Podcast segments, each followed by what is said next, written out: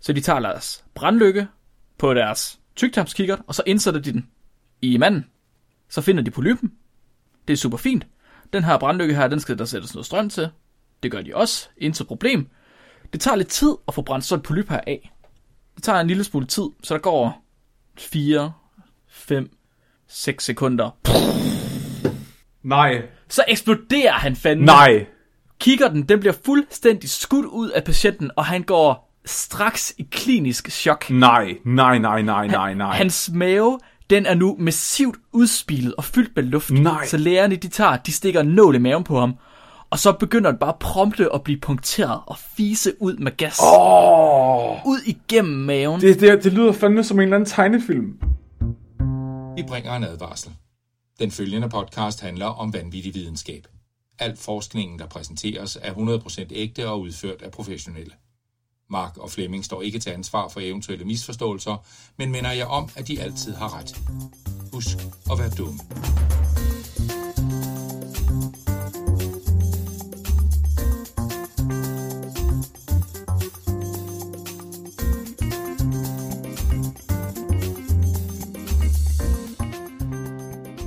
Hej og velkommen til Spækbrættet. Din bro til vanvittig videnskab. Jeg har luft i maven. Gå i dækning, Mark Lyng! Og øh, jeg skal nok tages med en klud, Flemming. Åh, oh, det er... Det, nej. Mm-mm. Det er ikke... Det er ikke i orden. Nå. Det er jeg ikke tilfreds med. Nej. hmm. Shot. Velkommen til. Dagens afsnit, det er muligvis det mest spækbrættede afsnit. Det mest spækbrættede emne, vi har haft siden høns og afføring. Ja. Dagens afsnit, det er prutter. Videnskab om pruttermark. Videnskab. Det er vigtigt. Det er vigtigt at have med videnskab bag prutter. Vi er ikke bare sådan en useriøs podcast, der snakker om prutter i en time. Vi snakker, vi snakker om ægte videnskab om prutter. Ægte videnskab. Der er ingen, altså, vi kunne ikke finde på bare at snakke om prutter, bare fordi vi synes, det er sjovt at snakke om kropsdel. Nej, vi er faktisk Eller- Eller... langt over af den anale fase i vores udvikling. Langt forbi. Ja. Ja. Langt, langt, langt forbi. At, hvornår, hvad er- kommer efter den anale fase? Det ved jeg ikke helt endnu. Eller det Men mener jeg, det vi ved jeg er godt. der. Vi er der. Vi er ja. Ja. kommet dertil. Den oral, nej, det er måske, det ved jeg ikke. Det er også lige meget. Vi skal snakke om prutter i dag. Flemming, hvad skal du snakke om? Jeg skal, Mere specifikt. ja, jeg, øh, jeg, jeg skal snakke om, hvordan at øh, man øh, får prutter til ikke at lugte. Ja, det lyder virkelig som noget, man kan bruge til noget i sin hverdag. Ja, du øh, havde øh, fundet, øh, så været så venlig at finde to ikke Nobelprismodtagere, som havde modtaget ikke Nobelprisen øh, i sammenhæng med øh, forskning i brutter. Det er, det er sådan noget, jeg gør. Det, det bruger jeg ofte min øh, tirsdag aften på. Ja, præcis. Og øh, til, til dem, der skulle være i tvivl, så er ikke Nobelprisen en Nobelpris, der blev uddelt til øh, øh, dårlig videnskab, eller sjov videnskab.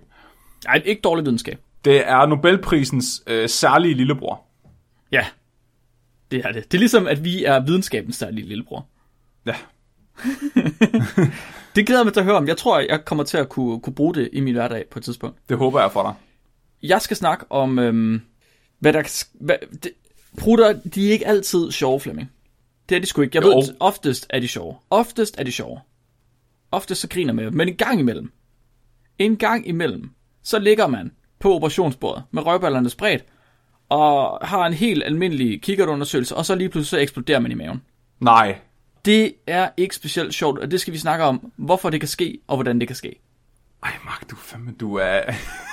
Er du klar til det, Flemming? Ja, det tror jeg. Det lyder sådan lidt Looney Tunes-agtigt. Ja, det...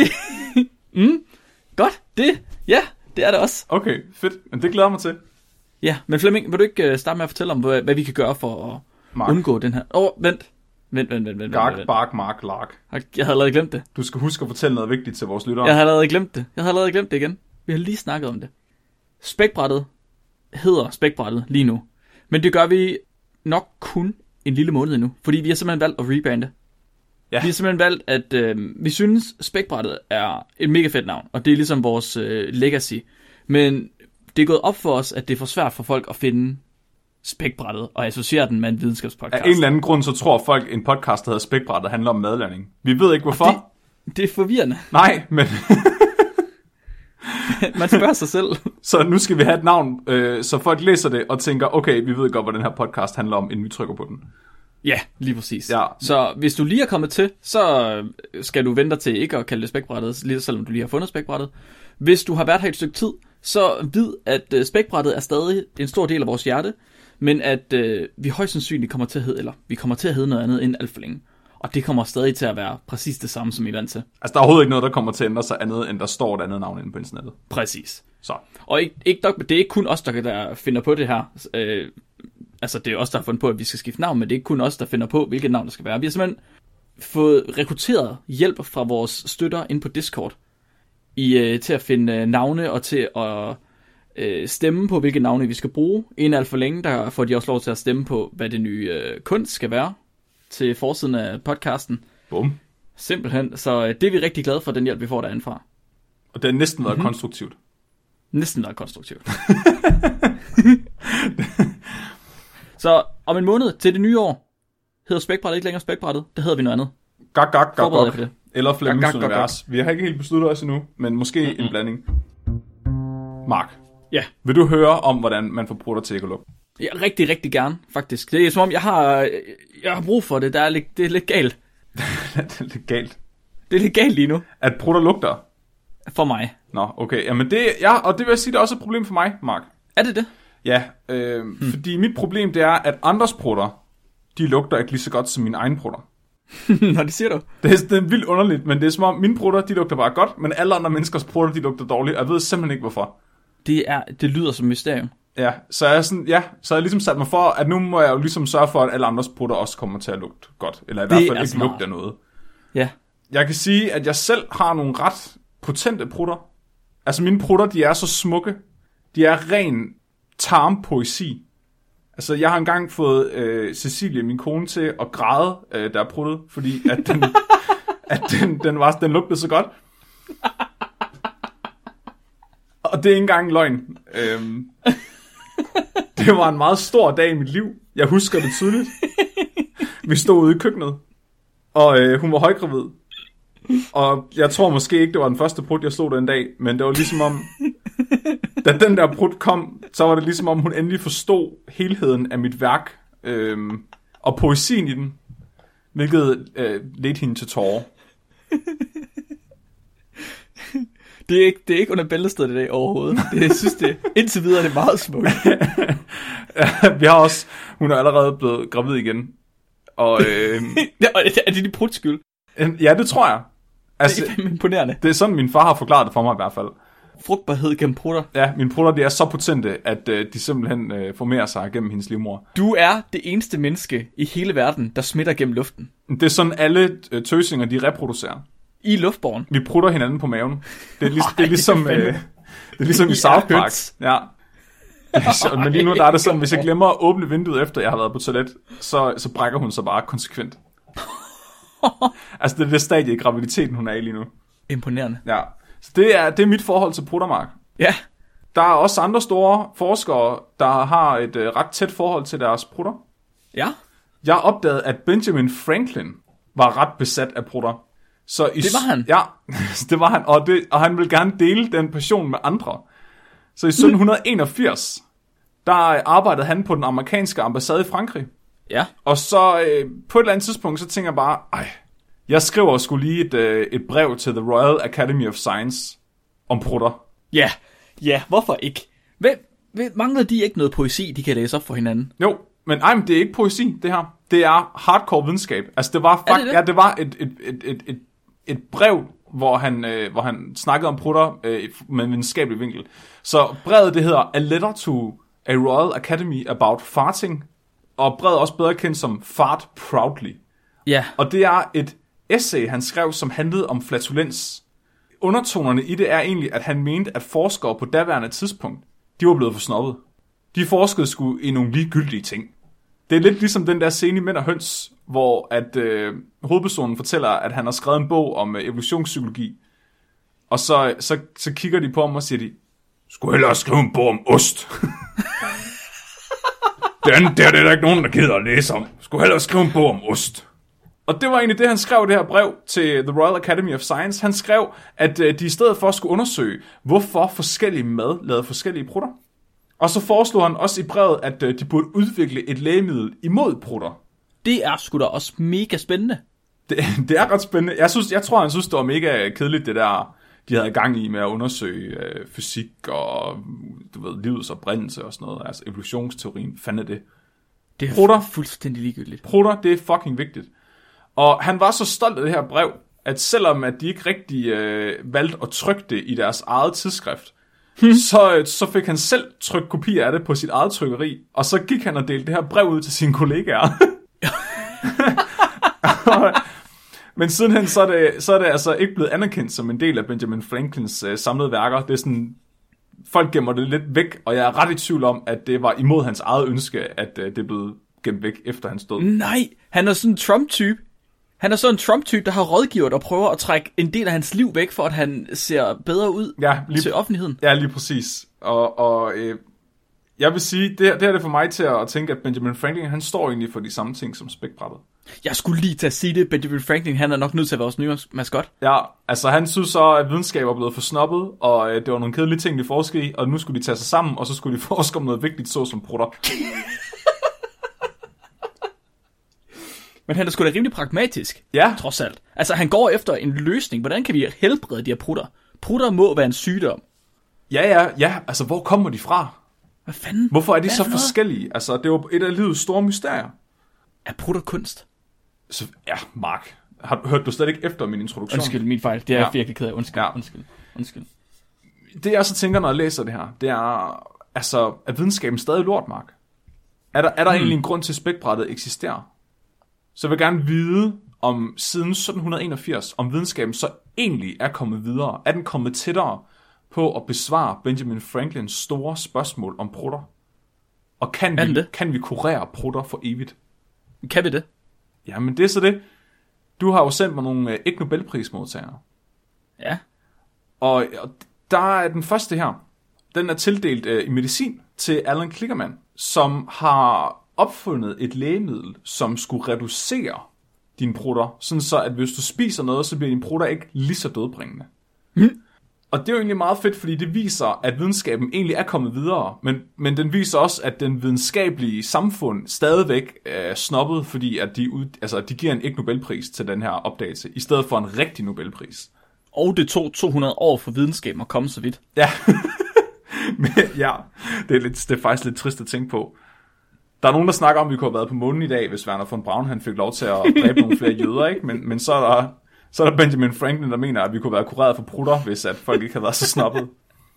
Hvordan tror, hvad tror du, vores samfund havde, havde, hvordan tror du, det havde set ud nu til dags, hvis vi ingen prutter havde?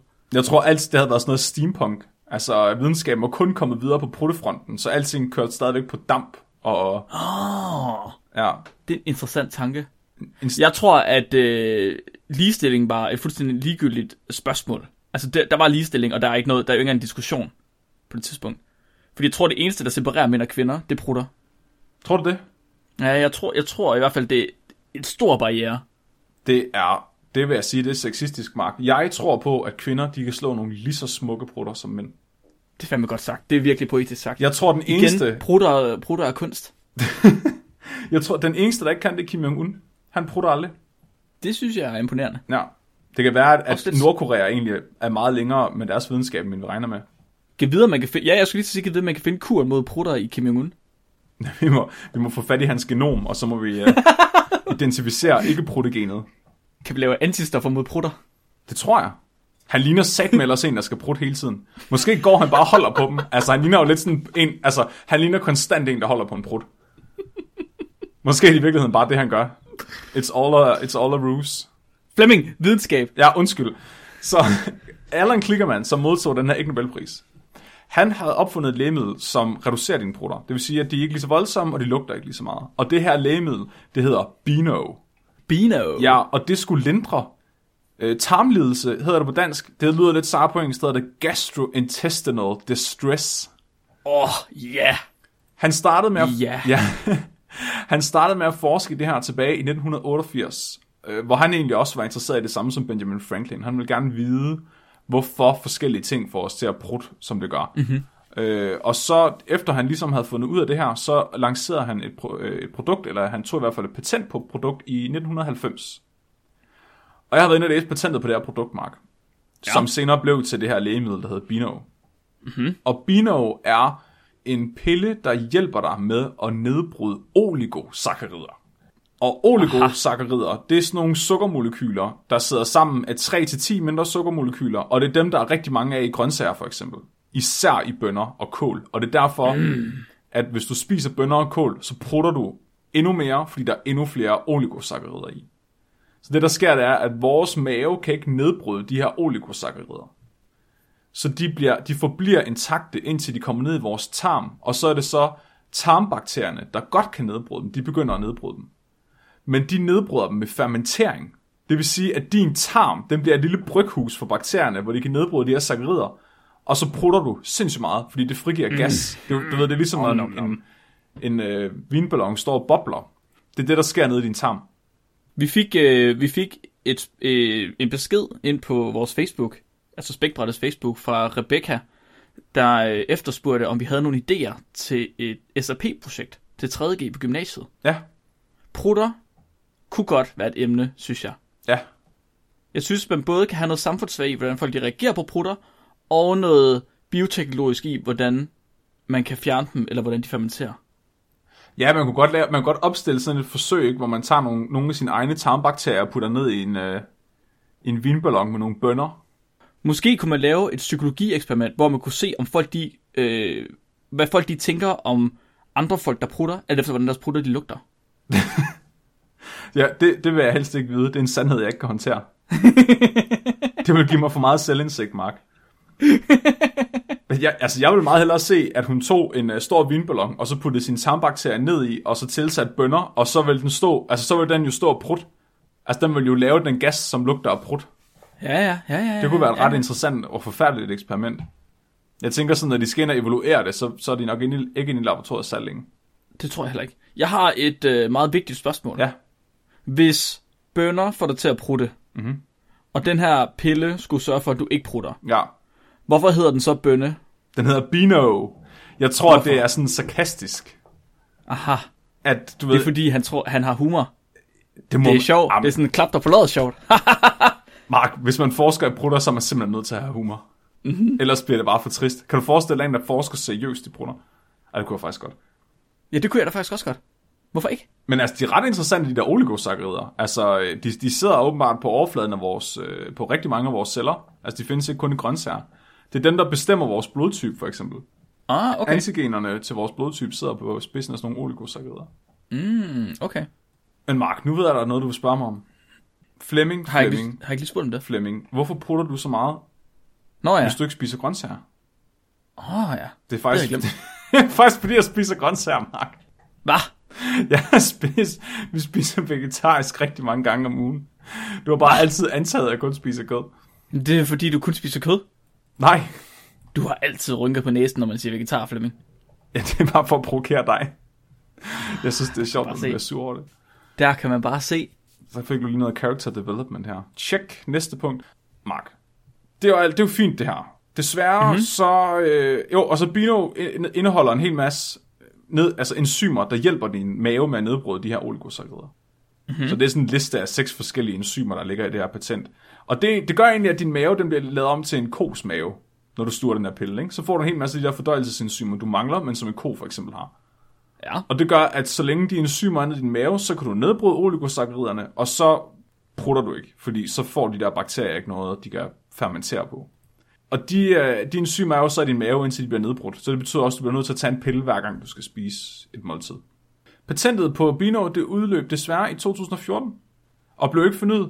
Til gengæld så var der 48 andre lignende produkter på markedet. Så det viser What? egentlig, at Benjamin Franklin havde fat i noget dengang. Altså, det, det er ret populært. 48 lignende produkter. Ja, antiprotein. I 2014. Ja. Så de er udviklet før det. Ja. Åh, oh, wow. Imponerende. Jeg vidste ikke, der var så mange produkter mod prutter. Jo, p- p- antiprotepiller. Jeg vidste ikke, at prutter var så stort et samfundsmæssigt problem. Jeg ved det ikke. Jeg ved ikke, hvorfor man... Altså, hvad er problemet? Ens egne prutter lugter altid godt. Så er det, fordi nogen køber pillerne til deres ægtefælle eller et eller andet, tror jeg. Sådan en julegave. Ej, så slemt kan folk ikke prutte. Det tror jeg ikke på. Man skal jo være syg, for at det er så slemt. jeg, tror godt, jeg tror faktisk godt, jeg kunne få sådan en pakke, hvis jeg fortalte, øh, fortalte Cecilie, det var en ting. Men altså, Mark, en pille, det er jo fucking kedeligt. Den Ja. virker sikkert heller ikke særlig godt. Prøv at høre. Det, tro, det tænker jeg ikke. Jeg tror ikke kun, det er de der oligosakkerider, der gør, at man bruger Jeg tror også, det er alt muligt andet. Ja, ja, ja. ja. Altså, så, så, så måske er der en bedre løsning, som jeg har fundet her. Mm. Og det er en anden Ig Nobelprismodtager. Den her gang mm. i biologi. Det er en øh, Buck Weimer, som er fra Colorado Universitet, og han har under, øh, hvad hedder det, opfundet et par underbukser, som har et filter i, der gør, at dine prutter ikke lugter. Ja, ja halleluja. Og øh, på, jeg har været inde på deres hjemmeside og kigge, Ja. og der skrev de, at den beskytter mod ildelugtende menneskeproduceret gas. Parenthes, mad odorous flatus, hvis du gerne vil have det, øh, Wow. det latinske. Det er et par lufttætte underbukser med et tre- trekantsformet udgangshul om ved numsen, hvor i der sidder et filter, du prutter igennem. Og de her underbukser, de er altså lavet i noget, der er lufttæt, med elastikker omkring. Lufttæt? Ja, så du har sådan et drivhus rundt om din nedre del, og så er al luften, der kommer ud dernede, tvunget til at gå igennem det her filter. Nej, Jo, hvem har fundet på det? hvem har fundet på det? Mark! Så det, det han flytter fermenteringen fra tarmen og ud i underbukserne. Nej, nej. Han, Hvad fanden skulle det hjælpe? Fermenteringen foregår jo stadigvæk. Altså, du prutter stadigvæk. Men din, Ja, ja, men det er da fint nok, så, du, så der er fermentering. fermenter, nu, nu er der fermentering. Ja, det, det er super fedt. Så der er fermentering både i tarmen, men nu også i dit underbukser. Nej, nej, der skal ikke fermentering i underbukserne. Og det kan jeg love dig for, der gør. Hvis du har luft til det underbukser på, Flemming, så skal der fermentering. Nå, nej, nej, men der er jo filteret. Alt, hvad der kan, alt, hvad der kan hænge under dine klunker, der, Der, der er jo filter i, Mark. det, det, det, det, det er fuldstændig lige meget. Du tvinger, du tvinger bare gassen til at, komme, at blive filtreret. Du, du misforstår fuldstændig, hvad jeg siger. Drivhusagtige forhold ved de nedre dele. Ja, ja, det er selvfølgelig rigtigt. Fermentering, Flemming. Ost. Åh, oh, gud, nej. Det er, du har, du har lavet en camembert lige der. Åh, åh. De det Det ser er- også det- virkelig altså- klamme ud, de der underbukser. Altså, de, Ej. det ligner sådan nogle meget, sådan noget, det ligner sådan nogle shorts, der er lavet af en præsætning. Og så har de sådan de er ligesom- en blæ bagpå. Ej, så det er ligesom at have latex på for evigt, og så lige man lynlås om bag til. Ja, Hvorfor har han ikke bare gjort det? Ej, så lugter de selvfølgelig. totalt kinky. Det er sjovt, deres det er hjemmeside, den er virkelig seriøs. altså, de, der er alle mulige billeder af sådan folk, der smiler med sådan nogle Colgate-smil. Sådan ældre ægte par, der er sådan, ej, hvor er jeg glad over de her underbukser. Og så er der sådan nogle testimonies med folk, der siger sådan, ej, det, de her underbukser har bare ændret mit liv. Nu kan jeg endelig gå uden for en dør, og sådan, det er virkelig sjovt. What? Hvor meget brutter folk lige, siden de ikke kan gå ud for en dør? Der er slet ikke noget, men der er nogen, der har sådan nogle sygdomme, tarmsygdomme, som gør, at de, at de prutter sådan fuldstændig absurd meget. Hvorfor spiser de så ikke bino? Det er selvfølgelig rigtigt. Ej. Men det er, Jeg- det, det er filtermark. Mm-hmm. Vil du vide, hvordan filteret virker? Ja, det er faktisk noget af det, jeg har tænkt rigtig meget over, for jeg har hørt om de underbukser før. Ja, Det tror jeg, der er mange, der har, men det er altid sådan, hvad fanden er det der filter? ja så filteret, det er sådan et, du stopper ned, altså det er ligesom i en støvsuger, ikke? Du stopper filteret ned i sådan en lille lomme omme på numsen af underbukserne. og så kan det, eller det er ligesom en imhætte, bortset fra at alting kører den anden vej, ikke? Der kan den, den, den Ja. kan holde i nogle uger til måneder, før den, at dine brutter begynder at lugte igennem filteret. Alt efter, hvor meget din brutter, de lugter til at starte med. Ja, præcis. Jeg, Mhm. mm-hmm. jeg, hvis, jeg siger bare til jer lige nu, der er øh, 50% rabat på øh, de her underbukser og filtre. Hvis I køber et par til mig, så skal jeg nok teste dem. Der vil altid 50% rabat. Nej, de er faktisk de, er gået, de lukker nu. Det er ophørs, Er det ja, det rigtigt? er ophørsudsalg. Get it while it's hot. Nej! Ja. Nej! Jo. Og det er sjovt, jeg tror det er på grund af deres markedsføring. Altså, har du så et, øh, altså, der er et, øh, et rivaliserende firma, der hedder øh, Shreddies. Mhm. Mm-hmm. Og de ved godt, at det de sælger, det er lidt fucked up. Så Shreddies, ja. Ja. de, de, øh, de har sådan nogle sjove billeder med folk, der snuser hinanden i numsen og griner og sådan noget. altså, de prøver, de ved godt, det er useriøst. Så det, det, jeg tror, det går lidt bedre for dem. Nå, Oh my ja. fucking god. Sidespor, ja, Mark, sorry. filteret. Undskyld, filter. Det yderste lag af filteret, det, det er sådan en sandwich af flere forskellige ting. Så det yderste lag, det er uld. Så du ikke stikker mm-hmm. dig på det der inde i filteret. Det næste, mm. det er sådan noget øh, plastik og glas uld. Og så inde i midten af det, der ligger der et lag af aktivt kulstof. Ja, yeah. okay. Ved du, hvordan aktivt kulstof virker, Mark?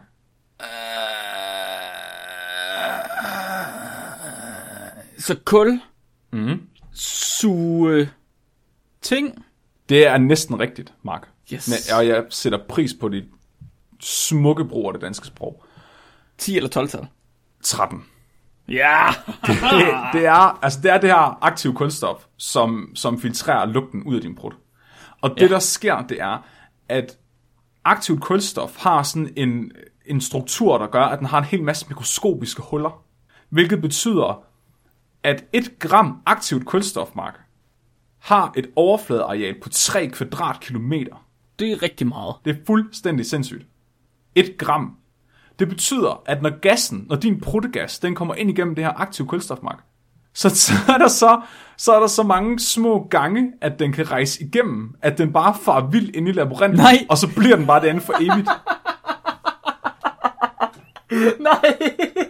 Det er ligesom, det er ligesom Ghosten Ghostbusters støvsuger, der fanger prutter i stedet Nej. for. Jo. Det der, det der mega synd.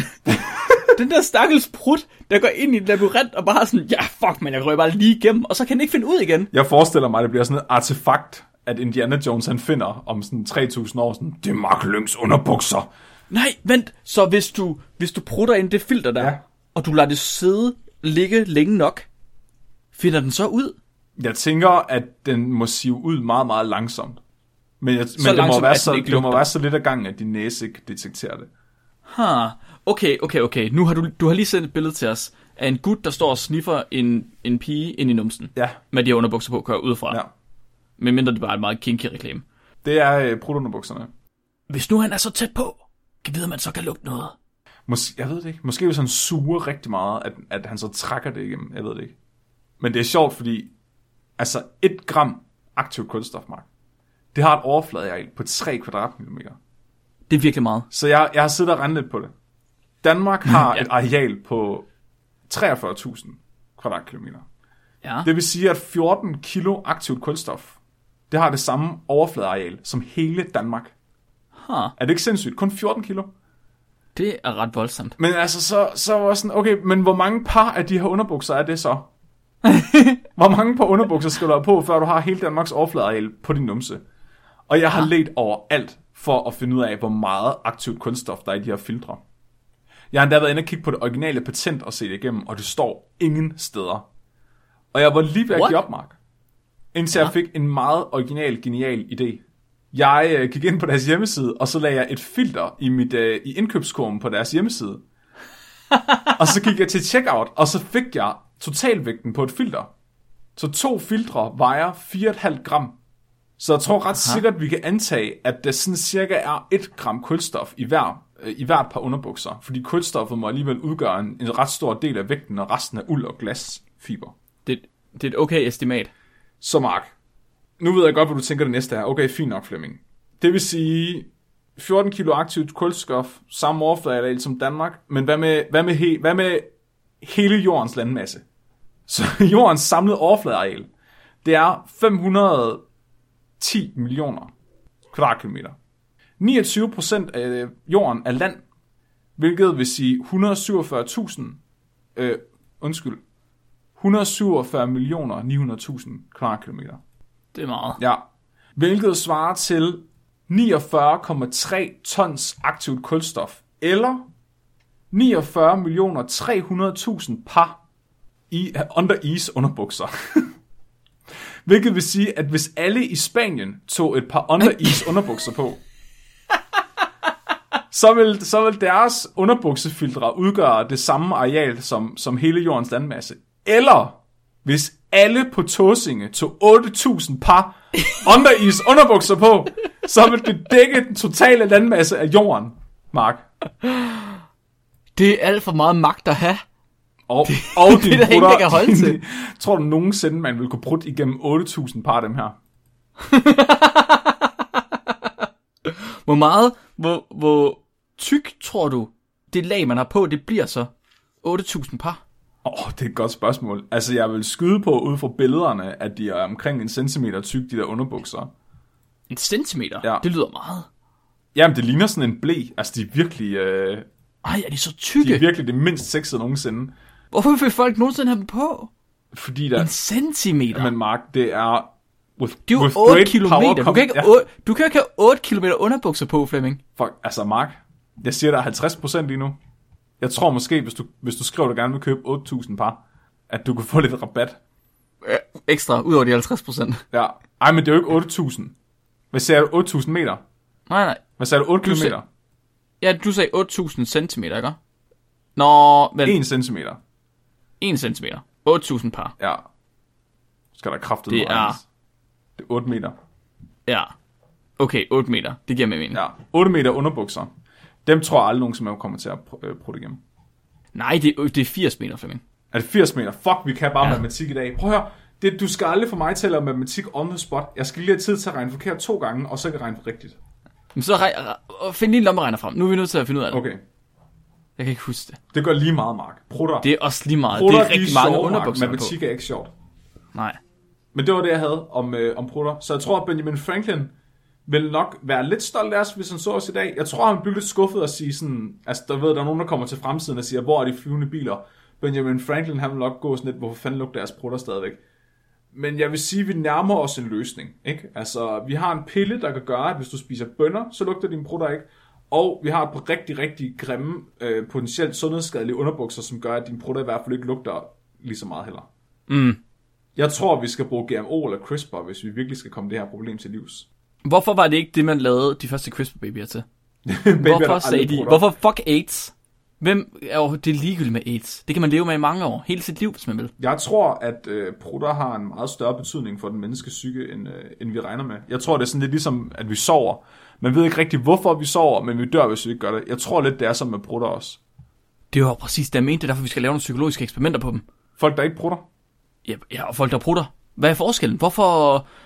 Er, er det fordi, du prutter sådan, Flemming, fordi de så godt kan lide dig? Det kan godt være. Er det, er det derfor? Så det er der... Okay, så hvis du holder på dine prutter, så bliver du en magtfuld diktator over et asiatisk land. Ja.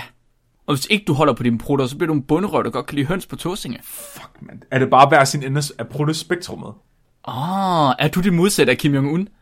Ja. Det var en rigtig god konklusion på mit afsnit her. Det kan jeg også godt lide. Flemming er det modsatte af Kim Jong-un, fordi han prutter meget.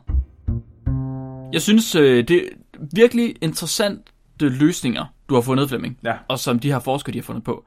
Jeg kan bedst lide den ene løsning. Den anden løsning virker som om, det er mere et, et forsøg på at klare, altså at, øhm, at helbrede et symptom, fra for at helbrede den underliggende sygdom. Som er Det er underbukserne, menneskeheden. mener jeg selvfølgelig. Ja. vi skal bare Så- så... udrydde menneskeheden, så udrydder vi prutter. Ja. Jeg kan bedre lide, jeg kan bedre lide Bino, fordi det er som om Bino, den prøver at løse et, et grundlæggende problem ved menneskeheden. Mm. At vi prutter i det hele taget. Og det er et problem, kan jeg fortælle jer. Det er et kæmpestort problem, og det kan blive et meget større problem, end I lige regner med. Også et meget større problem, end at ens kone brækker sig af, at man er været på toilet. Er det et Langt problem? større problem end det. Det er et lille problem i hvert fald. Men det kan blive meget større end det, Flemming. Lad mig, lad mig starte jer. Lad mig starte med at fortælle jer om et case study fra 1979. Åh oh, nej. Man ved bare, at det bliver makabert, når det er case study. Mhm, mhm, mhm.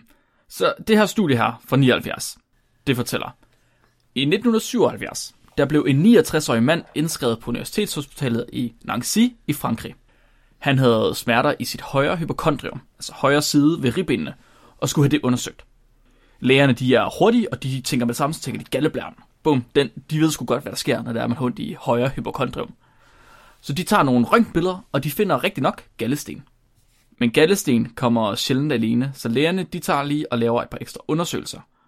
Og øh, iblandt de her undersøgelser, der laver de noget, der hedder en dobbeltkontrast barium tarmskyldning, Wow. eller lavement, eller klyks. Hvad For men er du det? kan tage sådan en type, der kender ordet klyks. Ja. Det er noget fra Ja, ja, Magic det the tænker- Gathering, tror jeg. Okay, ikke helt så. Så det er en tarmskyldning, simpelthen. Wow. De, s- Nå, de, pu- de putter bare lunken vand op i numsen på ham. Ja, men ikke lunken vand. De bruger simpelthen øh, en bariumholdig væske i stedet for. Sådan en væske med barium i. Grundstoffet barium. Hvorfor det? Det, øh, det, det gør de, fordi at når de skyller det igennem tarmsystemet, så øh, kan man bruge radiologi, altså ikke helt røntgen, men tæt på, til simpelthen at få det til at lyse op, og så se, om det går ordentligt igennem tarmsystemet. Hmm. Mm. Så man kan skylle det igennem tarmsystemet, og så kan man tage nogle billeder af det, og så kan man se, okay, løber det igennem, som det skal, eller er der nogle bump på vejen? Det er sådan lidt ligesom, hvis, eksempel øh, tænkt. hvis man er i tvivl om, om der er hul i nogen skuldvarme. Ja, Så hælder du ja. også, øh, jeg tror, jeg ved ikke om det er barium, men du hælder også noget radioaktivt i, og så du går og måle i gulvet, hvor øh, der er lækage hen. Ja, det er basically det samme, bortset fra, at det ikke, jeg tror ikke, det er radioaktivt, det her. Hmm. Helt, Øv. Øv. i hvert fald. Nå, men om ikke andet, de skyller det her igennem ham her, den 69-årige mand, for ligesom at se, om det ryger ordentligt igennem. Og det gør det så ikke for ham. Det viser sig, at han, foruden sin gallesten, også har tre polypper. Altså tre gevækster. Og de sidder sådan for, godt fordelt igennem hele tyktarmen.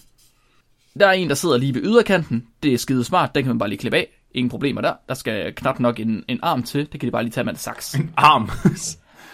Ja, den midterste, den viser sig at være lidt mere problematisk. Så det lange kolonoskop, eller tyktarmskikkert, eller hvad man nu skal kalde den, det var i stykker den dag. Så de bliver nødt til at bruge den mellemlange i stedet for. Den er kun en meter lang. Nå, Men det er stadig okay, fordi den mellemlange kigger, den kan stadig nå hen til den midterste polyp, og så kan de simpelthen bruge en lille metallykke, der sidder op for enden af det her, den her kikkert, til at øh, sætte rundt om polyppen, og så tvinge ind, indtil de simpelthen øh, altså klipper polyppen. Oh. Åh! Men det er, ikke, det er ikke så slemt, Flemming. Det er en helt almindelig ting, man gør. Det er ikke noget problem. Og de kunne, øh, jeg tror, så, så lige i det her tilfælde her, der sætter de øh, strøm til den her lykke her, så den simpelthen bliver varmet op, og så får de lukket hullet, lukket såret på samme tid. Hvorfor, altså, hvorfor vælger man at læse en af de sværeste uddannelser, der findes? Altså, du, du læser i fem år på universitetet, og og så bagefter skal du ud og specialist. Seks. Er det seks år? Og så bagefter tænker du, Ja. okay, hvad skal jeg gøre? Hvad skal jeg gøre med min karriere? Jeg skal, kraft, jeg skal fandme ud og skære nogle røvpolyper af. Mhm. med en syl. Nu har jeg lige set sår. Jeg er blevet, jeg er blevet virkelig... Åh, kæft, mand. Det er okay, de øh, får brændt den her af, og i samme tid, samme øh, omgang, så får de også lige hugget de her gallesten ud af galleblæren. Skide smart. Og så ser de egentlig, at de, altså de nævner i artiklen, at tarmen, den er sgu egentlig lidt dårligt forberedt til det her. De her forberedt. der, ja, den er dårligt forberedt, står der. Så de sætter ham i fængsel i, øh, i, i 8 måneder i USA, og så blev den, så blev den lidt bedre forberedt på at få en meter lang... Øh. Det, den er dårligt forberedt, men altså, operationen indtil videre virker s- til at gå, som den skal, og patienten har det egentlig okay fint bagefter. De kan dog ikke få fjernet den sidste polyp, fordi som sagt, det lange, den lange tyktarmskikkert, den er i stykker, og patienten vender forkert på bordet, og de kan ikke få ham vendt ordentligt, så de kan få den mellemlange ind til der, hvor den sidste sidder, som er ret langt inde. Det lyder som virkelig dårligt håndværk. Øh, al- om ikke andet, så vælger de i hvert fald at sige, at den lader vi sidde, og så tager vi den sgu en anden dag. Det er okay, det er, de finder ud af, at det er en godartet øh, altså gevækst alligevel, så det er ikke, det er ikke en underartet cancer. Eller noget. Okay, Så den kan sagtens sidde, det er ikke noget problem, og så kan han komme ind og få den fjernet det er en bare en anden lille dag. numse, gør jeg ikke indre numsebyld. Ja, ja, præcis. Ingen problemer der. Så manden her, han tager hjem. Ingen problemer. Kommer tilbage igen et par måneder senere, da han endelig får en tid inde ved numse-eksperterne. Og så bliver han klargjort til en dyb tyktarmsoperation. En, Flemming, Hvordan, hvordan bliver man klargjort til sådan en tyktarmsoperation, tror du? altså, nu er jeg jo vokset op øh, på en gård med køer. Mm-hmm. Så jeg tænker, det er en af de der øh, handsker, der går ned til albuen. Og så noget kopatsalve øh, og en balhø. Ja, det er meget tæt på. Og så lidt jazzmusik på, du. Så, øh, så kører den. Ja. De har byttet, øh, de har byttet armen med gummihandsken ud med en lille væske, men ellers så er det faktisk det samme. Så det involverer, at man simpelthen får renset tarmen mm, rigtig grundigt. Meget, meget grundigt. Det skal, den skal skylles, og den skal bare skylles igennem. Leger sådan et ballondyr med ham. Ja, det er basically det, de gør. Det er ligesom, Så når man, det gør man, man man med- hiver også altid lidt i ballonen, så det er nemmere at puste den op bagefter, ikke? præcis, præcis Flemming. Det gør de i det her tilfælde med en ultrakoncentreret sukkeropløsning. Og hvis man kender en lille smule til osmose, så er det smart at bruge sådan en sukkeropløsning, fordi øh, så er man måske klar over, at det fører til diarré. Nå. Så hvis man har meget sukker til at løbe igennem tarmen, så trækker det vand ud af resten af cellerne, og så får man simpelthen diarré. Og det er jo smart, fordi det leder ligesom til en tarmskyld. Ja. Så der går tre timer. I løbet af tre timer, der skubber de 5 liter sukkervand ind i den her kære fyr. Det er rigtig meget sukkervand, hvis I skal være i tvivl. Og det, det resulterer i det, de øh, kategoriserer som et afføringsfrit resultat. Hvad? Simpelthen, der er ikke noget afføring i øh, væsken til allersidst. Nå. Det er jo rart. Nå, okay, ja, han var blevet var- renset helt nu. Til sidst, der var han simpelthen blevet renset helt. Ja. Det er jo perfekt. To gange stikker de en kikkert op i ham. De skal være fuldstændig sikre på, at han er ren. Jeg forestiller skal- mig der sådan skal- Pirates of the Caribbean kigger, du ved, den der lange der. De tager lige og holder han op til numsen, og så Ja. sk- skubber de lige ud i gang ja. teleskopet. De skal være fuldstændig sikre på, at han er ren. Det må, det, det, han må ikke have noget til at sidde deroppe. Hvorfor? Det må han ikke, Det er, Flemming. bare- Sådan fordi er det bare. mega klammer, eller hvad? Det, det må man simpelthen Det er så, ikke. de Der ikke må sgu behøver at ikke være vaske noget deroppe. kigger den, når de er færdige. de kan bare hæng- hænge den op på væggen og bruge den igen. Jamen, øh, altså, nu du snakker nu om kigger den, de tager kigger den ud, og det er egentlig så perfekt. Den kommer sgu også ren ud. Det er sådan set helt perfekt. Det lykkes. Ja. Ja. Der virker ikke til at være nogen komplikationer. Og kiggeren, den kommer ren ud. Med alt det her arbejde, alt det her forarbejde, så gør lægerne klar til at skære polypen ud. Skære den af og tage den ud. Så de tager deres brandlykke på deres tyktarmskikkert, og så indsætter de den i manden. Så finder de polypen. Det er super fint. Den her brandlykke her, den skal der sættes noget strøm til. Det gør de også. Intet problem. Det tager lidt tid at få brændt sådan et polyp her af. Det tager en lille smule tid, så der går 4, 5, 6 sekunder. Nej. Så eksploderer han fandme. Nej. Kigger den, den bliver fuldstændig skudt ud af patienten, og han går straks i klinisk chok. Nej, nej, nej, nej, nej, nej. Hans mave, den er nu massivt udspilet og fyldt med luft. Nej. Så lægerne, de tager, de stikker en nål i maven på ham. Og så begynder den bare prompte at blive punkteret og fise ud med gas. Oh. Åh, Ud igennem maven. Det... det, det, det lyder fandme som en eller anden tegnefilm, altså. Pa- pa- er fuldstændig tegnefilmsagtigt. Patienten, han bliver ført til operationsstuen, hvor han bliver åbnet, og det er tydeligt, altså at allerede da de åbner den, så kan de se, okay, maven er fyldt med blod. Flere blødningspunkter bliver identificeret. Heldigvis så er der ikke noget tegn på afføring, men der er masser af såreåbninger rundt omkring.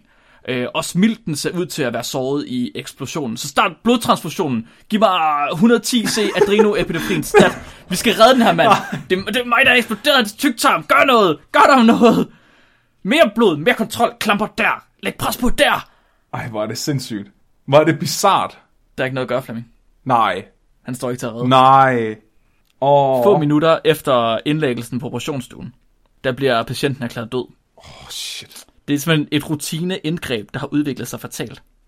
What En, the fuck? en, den fatale prut. Prøv lige at forestille dig lægen, der har siddet med den der kigger op i ham, og så springer han i luften lige pludselig. Åh, oh, fucking hell, man. Oh. Oh, Mondays. Nu... nu sidder vi alle sammen. Hvad fuck er der sket? havde, havde, han fanden? puttet, havde han slugt en stang dynamit, Mark? Det skriver de ikke i artiklen. Jeg tror ikke, de fandt den bagefter i hvert fald. Nej. Nej. Okay, lad os lige finde ud af, hvad der er, der er sket. Som alle er klar over, så er vores tyktarm fyldt med bakterier. Det håber jeg er klar over, ellers ved I det nu. Bakterier, de genererer generelt to eksplosive gasser. Det er brint og det er metan. Alle mennesker, de danner brinter.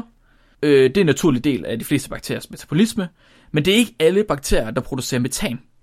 Cirka en tredjedel af mennesker producerer naturligt metan i deres tarm. Men to tredjedel, de gør ikke. For at de her to gasser de skal være eksplosive, så skal de findes i en koncentration, eller et partialtryk, når nu det er gasser, på minimum 4% og 5% for henholdsvis brint og metan. Det er koncentrationer, som vi ret ofte når op på i tarmen, Nå, og over os. Rimelig højt over os. det er derfor, man ikke må Det sætte ild betyder til også- sine brutter. Ja, det er det, Flemming. Det kan gå grueligt galt. Det betyder også, at en del tidlige numsekirurger, de er blevet noget forskrækket, da de først gik i gang med at bruge varme genstande til at fjerne gevækster ind i patienter. Det, det, det, det har ikke været særlig sjovt de første par gange, da de ligesom fandt ud af, at det, det skulle man skulle passe på med. Nå, det var ikke noget, man vidste dengang. Det var ikke noget, man vidste dengang. Det var man simpelthen ikke klar over. Og, men det var i virkeligheden lang tid før den her situation. Altså før, det her det var i 77, ikke? Det kan jeg ikke huske. Og det var lang tid før 77, at man var klar over, Hvorfor fuck gjorde de det så stadigvæk? at det gik galt. Ja, hvorfor gik det galt? Ja. Hvad fanden sker der? Må jeg gætte? Så der... Ja, du må Var gerne... det gætte. det der sukkervand? Åh, du er god, Flemming. De har simpelthen bare god. brygget øl ind i numsen på ham, og, Mhm. og så ikke givet ham tid til at prutte. Ja, du er pissegod, Flemming. Så der er masser af studier, der har vist, øh, der tidligere har vist, at patienter, hvis de får en fornuftig udrensning, så øh, at, får de basically aldrig høje nok koncentrationer af de her gasser til, at de kan eksplodere. Mm. Hvis de får en fornuftig udrensning. Så et studie adspurgte 19 kirurgiske centre i Frankrig, og de fandt, at der ikke havde været den eneste eksplosion i løbet af 400, 7400 operationer. Okay. Så 7.400 operationer, ingen eneste eksplosion. Og derfor har det heller aldrig været nødvendigt at gøre andet end at rengøre patientens tarm, før man sætter i gang med det her indgreb. Mm. Man skal gøre den ren, det er det. Der er ingen, der nogensinde har gjort brug af ureaktive gasser, som man kan bruge. Så man kunne i virkeligheden have pumpet CO2 eller nitrogen ind i tarmen på ham. Fordi det vil sørge for, at hvis der nu skulle være nogle gasser, der kunne eksplodere, at så kunne man ligesom få fjernet ud af ham først. Og så er det rigtig ballondyr lige pludselig. Lige præcis, så man, det er faktisk ikke engang løgn. Ja. Ja. Så man bruger simpelthen CO2 til at fjerne det andet gas, der er, så det tager ord. Fordi CO2 kan ikke eksplodere. Når man bare stikker udstødningen på en bil, til jo. Yes. Men lige præcis i det her tilfælde, der blev tarmen jo skyllet lidt anderledes end den plejer. Og Flemming har allerede sagt det. Sukker. Hvorfor gjorde Simpelthen. de også det? Så de har brugt mannitol, for at være mere specifik. Så mannitol, det er et mega lækkert stykke kulstof for bakterier inde i tarmen. Det er ikke et særligt lækkert stykke kulstof for os mennesker. Vi kan ikke nedbryde det. Faktisk overhovedet. Så det var i forbindelse med, de, øh, med det, du snakkede med bønder og Bino, Ja. så ville øh, en pille, der kunne nedbryde de her sukkerstoffer, ville jo kunne have hjulpet til den her hvad hedder det, operation ja. i virkeligheden.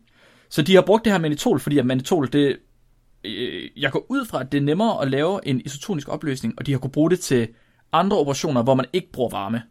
Der kan man stadig få fjernet Så de havde bare ikke tænkt sig om. Simpelthen ikke nej.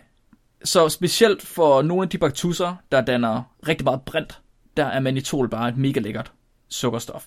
Så de her læger, de har grundlæggende erstattet et relativt komplekst vækstmedie, altså afføring, til fordel for sukkervand. Ej, var det sindssygt. De har jo bare lavet ham om til en bombe, altså. Fuldstændig.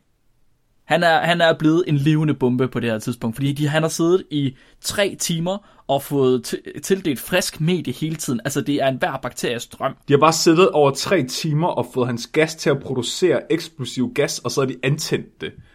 Fuldstændig. Halvanden meter op i hans tarm. Yes. Så selvom den her tarm, den har set ud som om den har været fuldstændig ren, så har den i virkeligheden været fyldt med brint. Ej, hvor- Altså han er, han er Hindenburg, en levende Ja, Hindenburg. jeg skulle lige til at sige det. Så det var i 1978. Ja. Og så tænker man, Nå, men det, okay, men så må lægevidenskaben have lært noget i historien. Ja, tak. Please. Må jeg præsentere Argon Plasma Coagulation in the treatment of hemorrhagic radiation proctitis is efficient, but requires a perfect colonic cleansing to be safe. Nej. Fra 2004. Nej, igen. argonplasma i numsten. Hvorfor vil man putte ark? Skal man lige være sikker på, at numsen er ren nok, før man kan bruge den? Hvorfor? Så argonplasma har jeg googlet mig til. Jeg vidste ikke, hvad det var. Det er, det er en metode, hvor man har en lille strøm af ioniseret argon, altså gassen, den her, øhm, øh, det her grundstof. Den her, Ja. ja. hvad, hed- hvad fanden er det der? Hjælp mig. Det ved Den jeg sidste ikke, Mark. gas ud Det er til dig, der mig. er ke- keminørden. Ja, ja, ja. Ligesom øh, seneren og sådan noget. Det er argon. Jeg googler for dig, Jeg kan ikke Mark. huske, hvad det hedder nu. Nå, om ikke andet. Det er en plasma. Man øh, stiller den direkte, hvor man skal bruge den, lige foran et sår inde i tarmen. Mm-hmm. Og så kan man simpelthen presse det her plasma ud af, og så kan man sætte strøm til den, øh, eller spænding til den, og så ioniserer man argongassen, og så varmer den det op, og så øh, kautoriserer, hedder det. Altså ligesom når man kommer ild eller brænder et sår. Så det er faktisk bare en fancy måde at have den der varme ledning på. Lige præcis, men det er i stedet for, den varme ledning bruger du, når du skal klippe noget af. Så den her bruger du, når du skal lukke et sår, du ikke kan klippe noget af. Mm. Det er jo super smart, den kan man jo bruge super godt. Problemet er bare, den øh, bruger 6 kV Det er lidt meget, og Mark. rimelig meget strøm også. Og rimelig meget Ja. strøm ja. også. I artiklen, jeg præsenterede lige før, der øh, skriver de masser om, at de har lavet et eksperiment, og de har testet på en masse patienter, hvordan det her argonplasma det fungerer. Og øh, det er gået godt, og i rigtig mange tilfælde, der virkede det, og de havde ingen følger. Men bivirkninger var anale eller rektale smerter, N lige med 3 Nå, og vagale symptomer. Så det er en nerve, der går ned til øhm, øh, tarmsystemet og til vores øh, blæresystem. Og ja. sådan. Endelig to.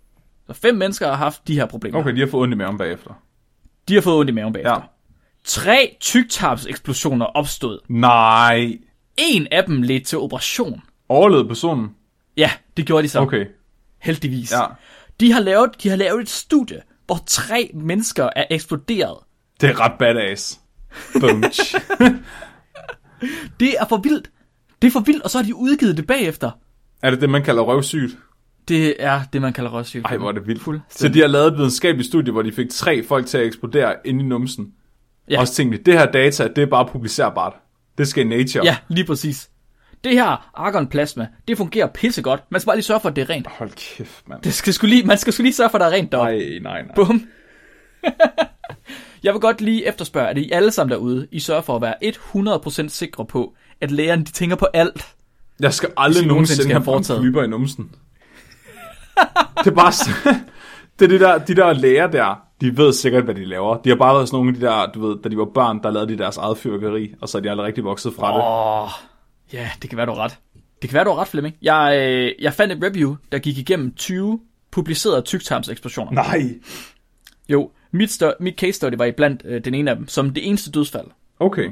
Det eneste dødsfald var godt nok det fra øh, 78. Ej, hvor er det sindssygt, der er så mange, der overlevede, at, at, der, at deres tarm er sprunget. Ja, simpelthen.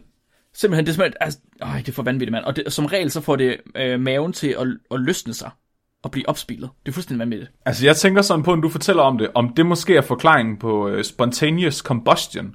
Ah, Den der konspirationsteori om, at nogle folk, de nogle gange eksploderer eller sådan brænder op indenfra ved høj temperatur. og man ved ikke hvorfor. Tror du, det er fordi, de har stået og givet en øh, cigaret op i numsen? Ja, de har nok siddet og lavet noget andet, forkert altså, øh, mens de sad og kvælte sig selv i deres Batman-kostyme, ikke? Så, øh, Ja, det kan godt være, du har ret i det.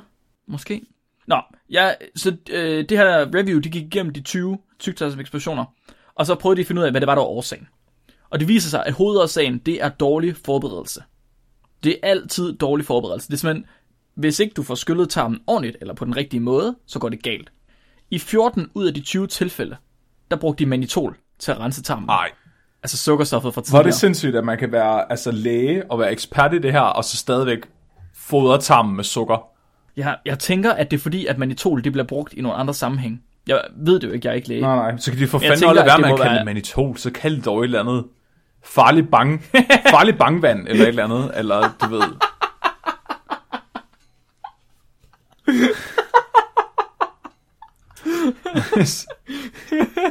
Jeg kunne lige forestille dig at se et afsnit af, hvad hedder det, Grey's Anatomy, sådan, åh, vi skal have mere farlig bankmand. Hvad kan der gå galt? Bang! Nå! Ej, Ah, Det er også bare okay. typisk videnskaben, ikke? Altså, vi giver aldrig tingene navn, der kan bruges til noget. nej, nej, nej. Det skal være et eller andet åndssvagt i stedet. Ja. Hold Hvad nu, hvis vi gør et andet latin? Hvad nu, hvis vi kalder det, hvis vi opkalder det efter nogle romerske guder, for eksempel? Så I skal være 100% sikre på, at de der læger, de har styr på, hvad det er, de laver, når de skyller jeres tarm. Hvis I nogensinde skal have skyllet jeres tarm. Og I får lige en kort liste over, hvad I skal sørge for at sige til lægen. Eventuelt, så I kan lyde kloge og måske overtage deres tarm. Tak. Det kunne jeg, være rigtig rart. jeg, vil, jeg vil gerne dedikere resten af mit liv til at scanne dem, så polyper af på folk. Ja, nummer et. I må ikke bruge kulhydrater, der optages dårligt i, i tyktarm. Det er manitol eller sorbitol. Eller så Flemming han siger, bangvand. Ja. Farlig bangvand. Farlig bangvand. Nummer to. Sørg for at bruge, og nu skal I skrive det her ned, det er tekniske termer og tekniske kemikalier der er. Polyethylenglykol eller natriumfosfid til at rense med, hvis I vil lege med argonplasma. Det er det eneste, der virker, simpelthen. Det siger det her review. Og så vil- håber jeg, at ingen nogensinde igen kommer til at prutte så hårdt, at de dør af det. Tak. Mm. Ej, hvor er det fandme en sindssyg måde at dø på. vanvittigt. Åh, prøv at tænke at komme ind som 69-årig, og bare skulle have lavet en eller anden rutinetjek. Han skulle bare lige have fjernet den der polyp, som var ligegyldig. Mm. Han kunne i virkeligheden have overlevet manden for evigt. Ja, ja. Altså, Og så eksploderer han. det, er, det er ligesom at aflevere din bil til mekanikeren for at, at, at få et olieskift, ikke? Og så, altså, Og så så totalt får du skadet. bare sådan et ødelagt sidespejl tilbage. Ja, han, og det værste var, at han var jo ved bevidsthed. Nej. Jo, jo, jo, jo, da han eksploderede. Han går i choktilstand, men han er ved bevidsthed. Så han begynder at sidde og jammer og klage over, at han har ondt i maven. Inden han springer i luften. Men da han er sprunget i luften, Nej. Åh, oh, shit, mand. de skriver i artiklen, at eksplosionen var så høj, at du kunne høre det inde i målelokalet inde ved siden af. Ej, åh, oh, hvor er det ulækkert. Fuldstændig vanvittigt. det er en De har taget grusom billeder, måde. som også er med i artiklen. Hva? De har taget billeder, som også er med i artiklen, men de er, de er så dårlige, man kan ikke se noget på dem. Det er desværre. nok meget godt. Det er ja. sat med en de grusom siger, Mhm. at- måde at dø på. Ja, for Tror du, helvede. han kom i Valhalla? Ja. Hvis han ikke... Han skreg ikke, tror jeg ikke. Og så kommer man vist i Valhalla. Det er rigtigt. Øh, nej, det, det er blodørnen. Ja. Ej, jeg vil sige, det der Tror er det du, det er det næsten samme, når værre. man Jeg vil sige, eksploderer? det der er det på niveau med en Blood Eagle. Ja, det, ja, det er jeg faktisk enig med dig i. Mit navn er Svend Triskæg, hvem er du? Det er jeg, Henning Bangrøv.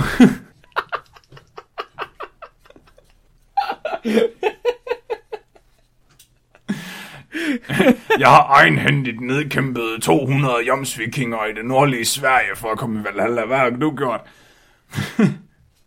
jeg sagde ikke af, da min numse den sprang i luften.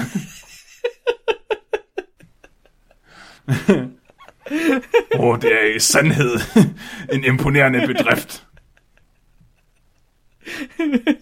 Må valkyrierne synge om dine legender i århundrede.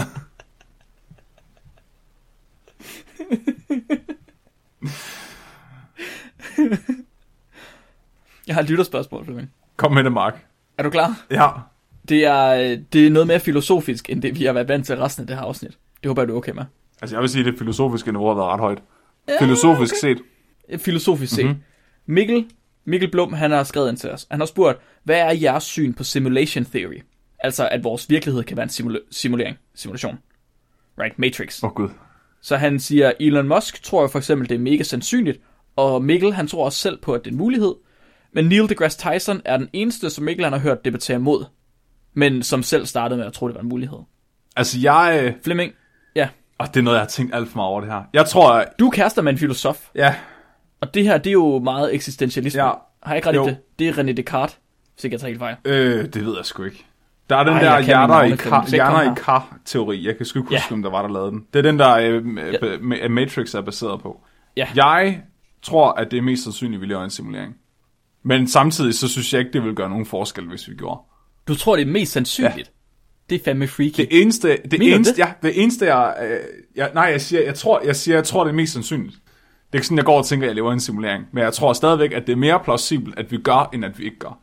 Nej. Men på den anden side, så er jeg også fuldstændig ligeglad med det, fordi det vil ikke gøre nogen forskel for mig, hvis vi gjorde. Det eneste, der freaker mig ud, når jeg tænker over det, det er, hvis du satte dig for at lave en simulering for at undersøge noget, så det eneste tidspunkt, jeg kunne forestille mig, at man ville slukke for simuleringen, det var i det øjeblik, at din simulering finder ud af, at den er i en simulering. Så er det ikke længere værd at observere den. Så jeg tror, hvis vi lever i en simulering, den dag, at vi opdager det, så tror jeg, at, øh, at der er nogen, der river stikket ud. Men vil det ikke betyde, at du har, nu du har opdaget det i godsøjen? At så ville det allerede være sket? Nej, altså, der skal jo være nogen, der finder evidens for det. Er det nødvendigt? Ja, det tænker jeg. Ellers så, ellers, ellers så er det jo bare første gang, Alex Jones han råber det. Så bliver der slukket. Det kan de jo ikke bruge til noget. De skal, de skal jo. Nej, det er også rigtigt. Men det er jo fordi, øh, okay, så hvor mange skal der til, der siger det, før det gælder? Så måske er Alex Jones bare en outlier. Jeg tror, det, jeg tror, der er nogen, der skal kunne påvise det. Altså, at, at, at det decideret opdager det, at det, ikke- at det ikke bare er spekulation. Men hvis vi lever i en simulering, hvor sandsynligt er det så, at den, dem, der kører simulering, de er interesseret i os? Det, jeg tænker, det er os, der er centrale for simuleringen. Det er jo den, be- det er en af de bedste forklaringer på Fermi-paradoxet. Hvorfor at vi ikke har mødt andet intelligent liv Men hvorfor har de så simuleret alt muligt andet os? for at narre os. Og hvordan skal... Og hvordan... Har du- Okay, det, Jamen, jeg ved det, godt, synes du jeg, synes, det, det synes jeg er virkelig egocentrisk. øh, Nej, du skal tænke, kan du ikke huske, at vi snakkede om Max Timarks øh, Live 3.0, eller 2.0, hvor vi snakkede om, hvor lidt det egentlig ville kræve at simulere hele menneskeheden. Altså, hvor lidt energi det ville for en, for en, for en øh, civilisation, der kunne udvinde energi fra stof. Jo, jo. Men det er mere sådan, hvorfor skulle de være interesseret i hver enkelte person? Det skulle, være, det, skulle faktisk- være, det skulle vel være en simulering, for eksempel, for at se, øh, hvordan liv opstår og udvikler sig. Det kunne være, det er en, menneske, okay, Okay, det kunne men- være, det er en menneskelignende art, som gerne vil prøve at forstå sin egen oprindelse. Det er jo også Men hvorfor skulle de så være, hvorfor skulle de være interesseret i, om vi finder ud af, at en simulering opstår? Fordi så er det jo ikke længere interessant at observere vores udvikling. Så er vi jo alt for påvirket af, at vi ved, at vi er i en simulering. Men hvorfor skulle de overhovedet vide, hvad det er, vi tænker? Hvad hvis vi er på så lavt et niveau i forhold til dem, at det ikke giver mening for dem? Eller omvendt, vi... Ja. Det kan jo være, at de er interesseret i, altså, hvordan er ribosomet opstået, eller hvordan har intelligens udviklet sig, eller hvad sker der Ja, ja. under de her forhold? Præcis. Okay, så det, det jeg tænker på, det er, når vi for eksempel, vi to, vi sidder og arbejder med bakterier, Mhm. så arbejder vi jo med populationer, der hedder 10-9 eller 10-10. Ja. Og så kigger vi jo på hele populationen på én gang, for vi kan ikke gå ind og kigge på en enkelt celle ad gangen, som oftest. Nej, Og vi er som regel heller ikke interesseret i, hvad en ud af 10 i 10. gør. Så hvorfor skulle dem, der simulerer os, hvor vi er nået til 10 i 9. Hvorfor skulle de være interesseret i, hvad den enkelte person tænker og det gør? er da heller ikke sikkert, de er det. Men Det er også derfor, jeg tænker, hvorfor er de så ikke ligeglade med, om f- menneskeheden finder ud af, om vi er en simulering eller Fordi ej. det kan være, at det vil påvirke vores udvikling. Men hvad hvis det ikke er menneskets udvikling, som så de kigger på? Og hvad hvis man... Hvad hvis det er en naturlig del af udviklingen, at man så finder ud af det? Så skal de jo selv leve i en simulering, for at det er interessant. Det kan være, at de har Hvad hvis- lavet hvad simuleringen hvis- for hvad at hvis de finde ud gør af, det? om de selv lever i en simulering, Mark. Måske. Huh. Hvad tror du? Jeg, så lige, jeg har lige set en artikel i dag, hvor jeg så, øh, hvor langt vi var kommet med simuleringer nu. Og, nu, og han viste, at vi nu kan vi begynde at bruge grafikkort til at simulere øh, partikler. Det har man ikke kunnet tidligere. Ja, Ja. Der har han alting kørt på processoren. Ja. ja. Og det betyder, at vi nu kan simulere 100, var det 100 millioner partikler øh, af gangen, hvor vi kan simulere et billede på et minut. Wow, hvad? Det, det, ja, så vi kan simulere 100 millioner partiklers bevægelse. Ja. Ja. Der kan vi simulere et billede af gangen på et minut. Okay. Giver det Ja. mening? Så det er et frame per Ja. ja. minute. Så normalt, når vi ser en, en video, så ser vi det i øh, 30 billeder i sekundet. Men her der simulerer vi simpelthen et billede per minut i stedet for. Ja, Så vi er så dårlige, at vi ikke engang kan finde ud af at simulere 1 million partikler endnu. Nej, nej, men bare det, at tek- altså, hvis du bruger Occam's Razor, og du siger, at teknologien findes, og det kan lade sig gøre, hvis du når langt nok, hvad er sandsynligheden så for, at det er blevet gjort? du, Jeg tror ikke, jeg tror ikke på det. Jeg tror, det er, øh, det er konspirationsteori. nej, men jeg siger, ja, jeg siger heller ikke, jeg tror på det. Jeg siger bare, jeg tror, det er mere sandsynligt, end vi ikke gør. Altså, det er ikke noget, jeg har en holdning, altså, det er ikke noget, jeg har en holdning til, fordi jeg kan ikke vide det. Men jeg tror, det er mere plausibelt, end at vi ikke lever hmm. i en simulering. Okay. Muligvis. Jeg, det kan jeg ikke tænke over lige på stående fod. Hvorfor, men hvorfor er du imod tanken? Det kan jeg heller ikke lige tænke over lige på stående fod. Jeg kan ikke finde ud af, om det er en... Øh, fordi jeg finder det ubehageligt, eller fordi jeg synes, at tanken er s- egocentrisk. Altså, det er jo, at du antager, at vi- altså, tænker, altså tænker du på omkring mennesket, eller tænker du på omkring individet? Fordi jeg tænker ikke, at vi nødvendigvis, at mennesket er det, de observerer. Hvorfor skulle de så have simuleret mennesket? Fordi mennesket er jo bare en- opstået i simuleringen. Det er jo ikke, for, det, jeg tænker ikke, at det er fordi, det er guidet evolution. Jeg tænker bare, at de har simuleret universet, og så ser de, hvad der opstår. Det er vel ikke anderledes, end når vi simulerer planeters øh, baner og... Øh, Men igen, hvorfor skulle, de så, hvorfor skulle der så... Nu snakkede du om lige før, at øh, en af de gode grunde til, at vi skulle være i en simula- simulering, det var fordi, at øh, vi er de eneste, der er her endnu. Vi har ikke set andre. Altså Fermi-paradoxet. Right? Ja. Så har de vel også simuleret os for, at vi er her. Men så er det, jo- så er det vel simuleret livet på jorden. Altså, altså så er det de rigtige forhold, ikke? Det er jo, du skal jo tænke på det som, at vi, sim, vi er, jo- der er også nogen, der er i gang med at lave en simulering af menneskekroppen, som vi forstår den, for at se, hvordan lægemidler fungerer på, mm-hmm. på, på, på, på kroppen i helhed.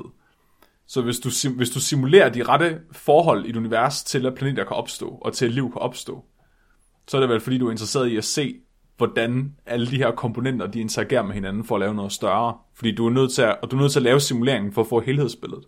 Jeg tror, jeg synes, at det er sjovt at tænke på, men at det er for langt ude og ikke rigtig giver mening. Så Altså, hvis vi er en simulering, så er vi jo højst sandsynligt ikke den eneste. Så er vi sikkert bare en ud af uendelig mange simuleringer, der bliver kørt ved siden af hinanden. Så det er jo ikke, det er jo ikke så egocentrisk. Ah, okay. I guess. Ja, jeg tror ikke, jeg har, jeg tror ikke, jeg har flere holdninger Har du til ikke det. forholdt dig til det, Mark? Har du ikke tænkt over det? Ja, jeg har bare tænkt, at det er vi ikke.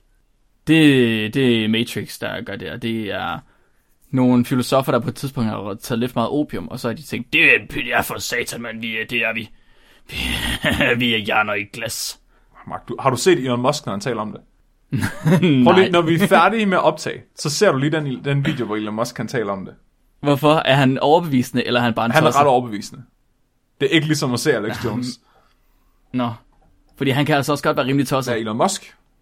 Ja, Ja. ja, men han kan også lande to raketter, der har været i rummet. Var det ham, der gjorde det? Eller var det dem, han købte, der gjorde det? Det er også lige meget. Nu synes jeg, vi kommer for meget ud på et Nej. tidspunkt. Så Flemming, for dig er det det mest plausible. Jeg tror, ja. Altså sådan, med, ting, med den nuværende udvikling af, af vores egen simuleringsteknologi, så synes jeg, det virker mere plausibelt, at, at vi lever i en simulering, end vi ikke gør.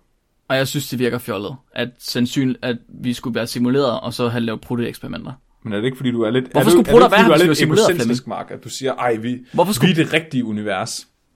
Ja. Hvorfor skulle Prutter være her, hvis vi var Det er simuleret? det, der er Flemming? det smukke, Mark. Selv hvis vi ikke lever i en simulering, så er vi produktet af en milliard års naturlig selektion, hvor livet har kæmpet for at overleve, for at få ressourcer. Folk har et sine egne børn og hinandens børn, for at vi kan sidde her i dag og grine af vores egne brutter. det er faktisk rigtig smukt. Det er poetisk.